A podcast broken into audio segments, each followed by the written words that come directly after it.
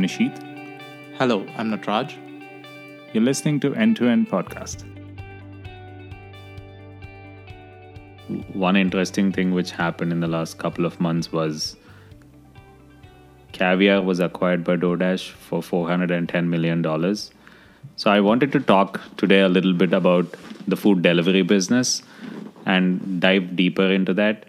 So I want to start by asking you how would you like look at the food delivery business? Yeah, I think the caviar acquisition was quite an interesting move and I think that also piqued our interest into the whole what's happening in the food delivery sector itself. But I think we should take a step back and firstly define what food delivery business is and what are exactly we are talking about when when we are saying food delivery business, right? And of course, food is the biggest spending item in any uh, budget, be it a family or a corporation, or it's a significant chunk of what we do. In fact, 98% of human history is basically spent on, uh, you know, satisfying our hunger, and rest 2% is basically gone on to other luxuries, right? So, I think a good way we can define food delivery is what it's not, right? It's not grocery delivery, like if you think about grocery delivery, Walmart is a big player, Amazon Fresh is a big player, uh, Instacart, which primarily is getting associated with grocery delivery retailers, um, and it's it's not grocery delivery. It is also not meal delivery, right? Uh, we have companies like Blue Apron, which are doing meal uh, meal delivery. I think these three things grocery delivery, meal delivery, and actually processed food delivery. That is the actual dinner or lunch or breakfast. These three things can be separated as different verticals in overall food business or food delivery business, right? So I think when we are saying food delivery business, I think we are talking about the third thing, which is delivery of processed, ready to eat uh, meal like a dinner or a lunch. So that's where we wanted to say, okay, this is what we're talking about that's what we're defining as food delivery business right now. So, if I have to sum it up, it's essentially food from like restaurants or fast food chains, which is cooked and prepared, which is being delivered to your home or wherever you are. Yep, that's right. So, how would you define the size of this market? Like, what are companies going after here? If you look about uh, the history of this business, right? Uh, we can start about from Yelp. Yelp. So primarily, there, there were stages in which this business evolved. Firstly, it was mostly getting the data in one platform, like Yelp. What it what it enabled is it acquired or it provided an online directory for all the restaurants, right? For all the places that you could go and eat, or you can call them up and uh, order food. And restaurants had their own delivery system that was phase one of this business model you could think. And even grubhub yelp and if you think about just eats in europe and if you think about uh, zomato in india they're all doing these directory businesses. So they were just aggregators of information. And they were not actually delivering food. They were just making sure that you have access to information of where to go to eat or where you could call and get the food delivered but they were not actually operating logistics or helping the logistics to actually deliver to you. So that was the phase one. And I think now we are in the phase two where these companies are actually operating the logistics network of getting the food delivered from restaurants uh, to the consumer. And now the restaurants are no longer responsible for the delivery itself because the companies like Grubhub, DoorDash, Postmates, they're all operating the logistic networks instead of just being the aggregators of data. So it's built on top of the data, but now we've moved from just data aggregation and you know finding the first phase was just finding the best restaurant that you could go to or the best place that you want to find out or the best italian food or the best chinese restaurant that you want to find out in your neighborhood. It's mostly about information. That was phase 1 and now the phase 2 is where there are pure logistics companies, if you can think of it. Uber Eats, for example, right? It's built on top of the logistics on Uber. Uber is essentially a logistics company, and Uber Eats is adding on top of that, saying, hey, since we can also deliver people from one place to other, we'll also start delivering that uh, food from a restaurant to the consumer. So I think we're in the phase two, and we can talk about phase three. What could future look like? But these are the three phases I think we can see right now. And in terms of like biggest players, if you see, Grubhub, uh, DoorDash, Postmates, and Uber Eats combined occupy almost 85 to 90 percent of market in the US. And if you go to like Europe, there are successful companies like Just Eats and Delivery Hero or Deliveroo. And uh, in China, there is Meituan and Ele.me. I think it's spelled ele.me. And uh, in India, you have a couple of companies, but there's a lot of consolidation, and looks like Swiggy is the one which is coming as a big player. Um, but to your essential question that how big this market could be, it's hard to say overall worldwide how much big but if you think about just united states right in united states according to united states department of agriculture united states spends around 1.7 trillion dollars on food. And out of that 55% is spent outside our homes. That means in restaurants. That's around 900 850 to 900 billion dollars is spent in restaurants per year by just united states alone. And rest of it is spent on getting groceries to cook food in your at your home right? Now if you consider the gross bookings of all these four companies that we've just talked about it's just around 100 billion or 100 to 120 billion. So we haven't even touched because this whole 1.7 trillion is the entire addressable market. And we haven't even touched 10% of it.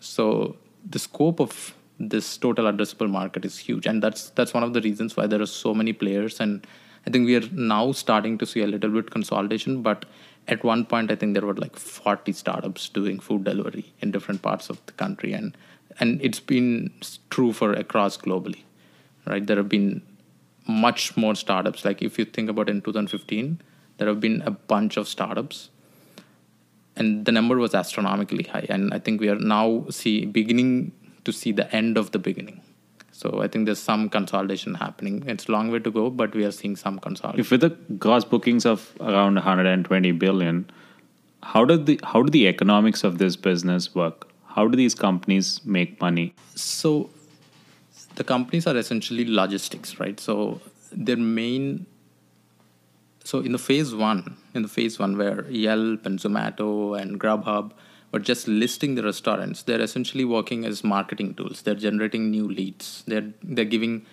uh, a new ad space, if you can think about it like that, so that more people will discover that your restaurant is present in your neighborhood, and you get more people to come into your restaurant or call you and order more food, so that they can come in and take your food, or you can, if the restaurant has their own food delivery network you increase the sales for uh, actually increase the sales per the restaurant in phase two you're still increasing the sales of the restaurant but now you're focusing on delivering the food from restaurant to the consumer.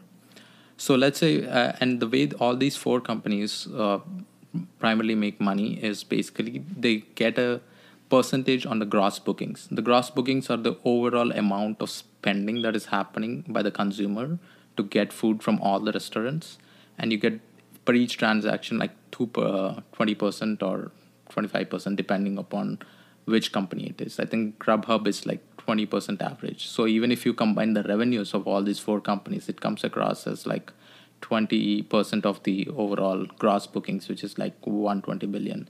So I think that's the major major uh, revenue source, and there are other revenue sources for these companies. Like for example, Grubhub is exploring the uh, opportunity of providing a SaaS kind of business for restaurants. So they want to be the software provider for restaurant business. So they're experimenting with that uh, source of uh, product also and how to generate revenue over that. Whenever you order something from like say Grubhub, they want to be the software that is directly interact with the staff and with the person who's actually behind us uh, in the kitchen. So that order is directly going to the chef itself so they want to integrate seamlessly integrate the whole software into the restaurant, and that is actually the interesting take on on this acquisition also, right? Why did why did Caviar was sold? Why, why was Caviar sold to Square? Sorry, sold by Square to DoorDash. The interesting aspect or interesting angle there is now if you go into any regular restaurant which is doing all the delivery operations, which has also in-house seating and you go to their front counter or the cashier counter and you see like there are five tablets. Because there are five tablets each of them belongs to a different company or a different marketplace uh, which is a one for grubhub one for doordash and that's how they onboarded restaurants. Each one of them gave a tab. They took a onboarding fee of like uh, x amount and they each gave a tablet and they have their own software. And now they're basically using one tab for each company and this is a hassle right? Now if you go into any small restaurant it's a hassle. They have like five tablets and one payment system. The payment system is now square. So square strategy and i think grub uh, this also fits into doordash uh, is trying to do or in terms of square it's actually a strategic sell. Because it's not about uh, selling a expensive capital intensive company but it's rather building a unique POS system which will align with all the food delivery companies. I think Square's strategy is to hold on to DoorDash as a strategic partner. So I think the next step that is going to happen, and that's why they took stake, and it's a stock deal, and that makes a lot more sense now when you think about in this angle. They could have just taken cash and get the heck out of the business if they want. But when they took the stock, and that makes there's skin in the game now for both companies, for each of them to be successful. That's a strategic level decision. And if you now put it in terms of points of sale business, which is Square is in, now Square could become that one platform where all the food delivery companies can integrate with. And now since DoorDash is becoming the biggest, and it's slightly, I think, last quarter or so, it passed Grubhub to become the biggest in gross bookings. Now you can see that Square is actually going to become as a platform to enter into each restaurant through the point of sale system.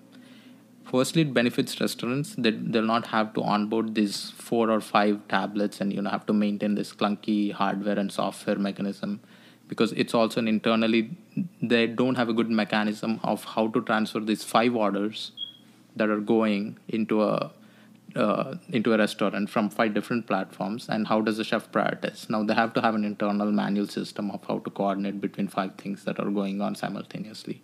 But if you have a point of sale system which is actually interacting with DoorDash with Grubhub and that is one of the reasons and I think which Square actually sold it. By selling it it made the largest food delivery company its strategic partner in becoming a wholesome point of sale system and it's kind of like building their own moat around and solidifying their existing position as a strong point of sale system. I like that view. I, I haven't thought about it. That's a pretty interesting take on why Square made that purchase or sale. If we think about the economics of this business, let's unpack that a little bit. So, when you say they have a certain number of gross bookings and they make a certain margin, how do these economics work with restaurants. Then there are big retail chains that have strategically partnered with some delivery companies. Is it really different based on the bargaining power of a restaurant, or is the bargaining power shifting more towards the big uh, delivery companies? I think who has a higher hand. So uh, let let's put it in the caviar acquisition perspective, right? One of the reasons they also acquired Caviar uh, is because you could get a diverse mix of restaurant selection because that's obviously one of the biggest needs, right? You have to be uh, able to provide your consumer with different kinds of restaurants, not just one particular kind of restaurant, right? And that is one of the negative points when you see that hey, McD is associated with Uber Eats and Grubhub is associated with uh, Yum brands.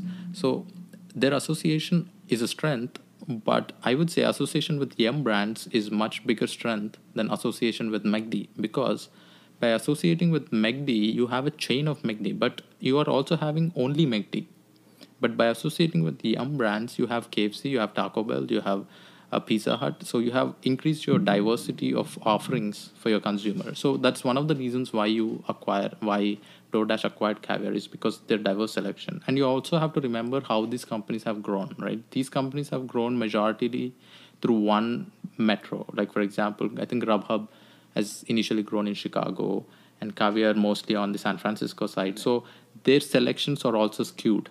They don't have like pan United States selection, which will cover all cuisines and all areas. So that is one of the other issues why they have, they have to eventually consolidate. Right, some of the some of these local uh, food delivery businesses, which still do exist in places like Louisiana and Alabama, where uh, I forgot the names of the company, but there are still smaller food delivery businesses that are still trying to succeed. I don't know the economics of it, but there there's a reason why these uh, big players will eventually uh, acquire the smaller players because it's not just uh, to consolidate as a company, but also this strategic selection of restaurants. Right? If one, if you only have high-end luxury restaurants on your platform, then it doesn't make sense. Uh, because you have different kinds of audience and you want every consumer to be on that marketplace right sorry i forgot the question what was the question Mine was the question was mostly around uh, like big chains, mm. certain known name restaurants mm. uh, versus small medium players. Mm. How do the bar who has the bargaining power and who has the upper hand in a negotiation? Because, for example, even today, if you look at the US food delivery market, around 60% of it comes from phone calls placed directly to restaurants and not going through these platforms. Mm. So as platforms start taking more and more of these businesses, mm. uh, who would still have that level of bargaining power?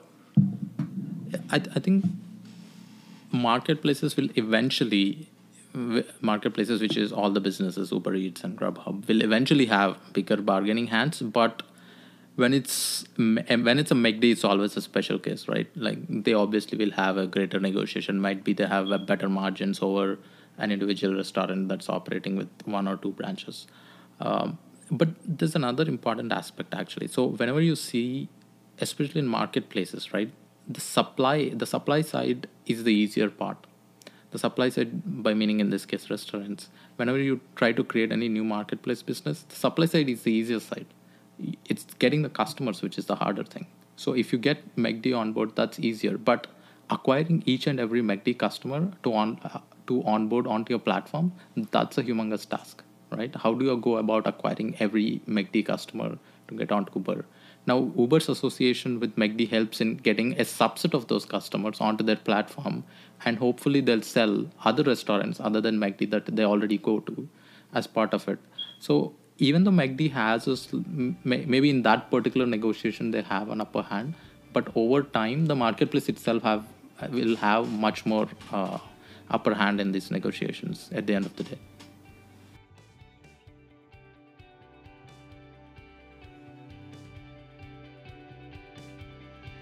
Thanks for tuning in today. You can find us on Spotify, Castbox, iTunes, or wherever you get your podcast fix.